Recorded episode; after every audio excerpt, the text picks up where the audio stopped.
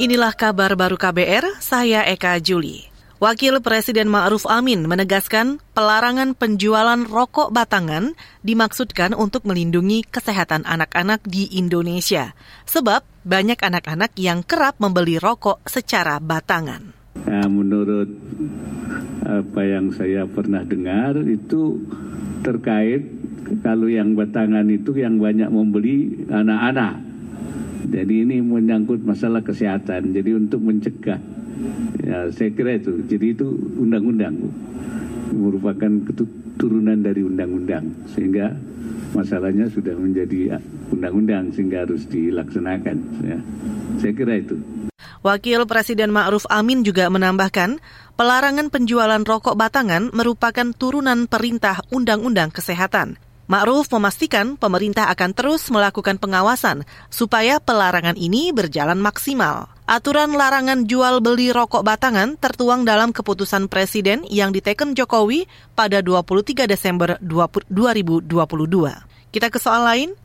Terdakwa pembunuhan berencana Yosua Huta Barat Richard Eliezer menghadirkan saksi ahli meringankan dalam sidang lanjutan di Pengadilan Negeri Jakarta Selatan hari ini.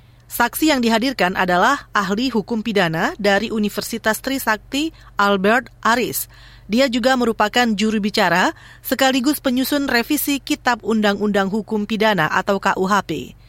Dalam sidang tersebut, Albert Aris menjelaskan mengenai tindak pidana yang tidak dimintai pertanggungjawaban dalam KUHP ke pasal 48, seorang yang melakukan perbuatan pidana karena ada daya paksa atau keadaan darurat itu juga tidak dapat dimintakan pertanggungjawaban pidana. Dalam pasal 49, kita juga mengenal adanya pembelaan terpaksa ketika seorang melakukan self defense, pembelaan dirinya ada ada ancaman seketika yang melawan hukum yang mengancam harta benda atau kesusilaan atau bahkan nyawa dia. Pasal 51 yang terakhir tentang perintah jabatan, seorang melakukan perbuatan pidana karena diberikan perintah jabatan oleh penguasa atau pejabat yang berwenang.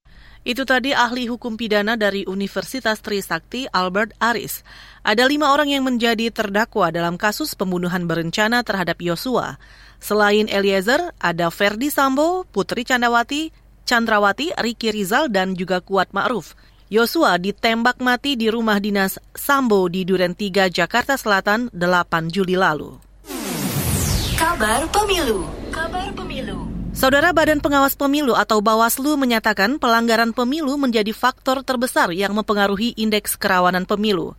Anggota Bawaslu Loli Suhenti mengatakan faktor lain yang berpotensi memengaruhi kerawanan dalam pemilu antara lain sosial politik, partisipasi politik, dan kontestasi. Untuk provinsi, penyelenggaraan pemilu adalah dimensi paling tinggi yang sama-sama kita lihat ya dalam mempengaruhi kerawanan pemilu dengan skor 54,27 lalu di tingkatan kabupaten kota ternyata sama Ibu Bapak sekalian. Penyelenggaraan pemilu menjadi dimensi yang paling tinggi dalam mempengaruhi kerawanan Nah, maka inilah yang kemudian yang mempengaruhi kerawanan dalam IKP. Ternyata dimensi penyelenggaraan pemilu menjadi yang paling tinggi. Anggota Bawaslu Loli Suhenti juga mengklaim lembaganya telah menyiapkan strategi untuk mengantisipasi kerawanan dari penyelenggara pemilu. Salah satunya menjaga netralitas penyelenggaraan pemilu.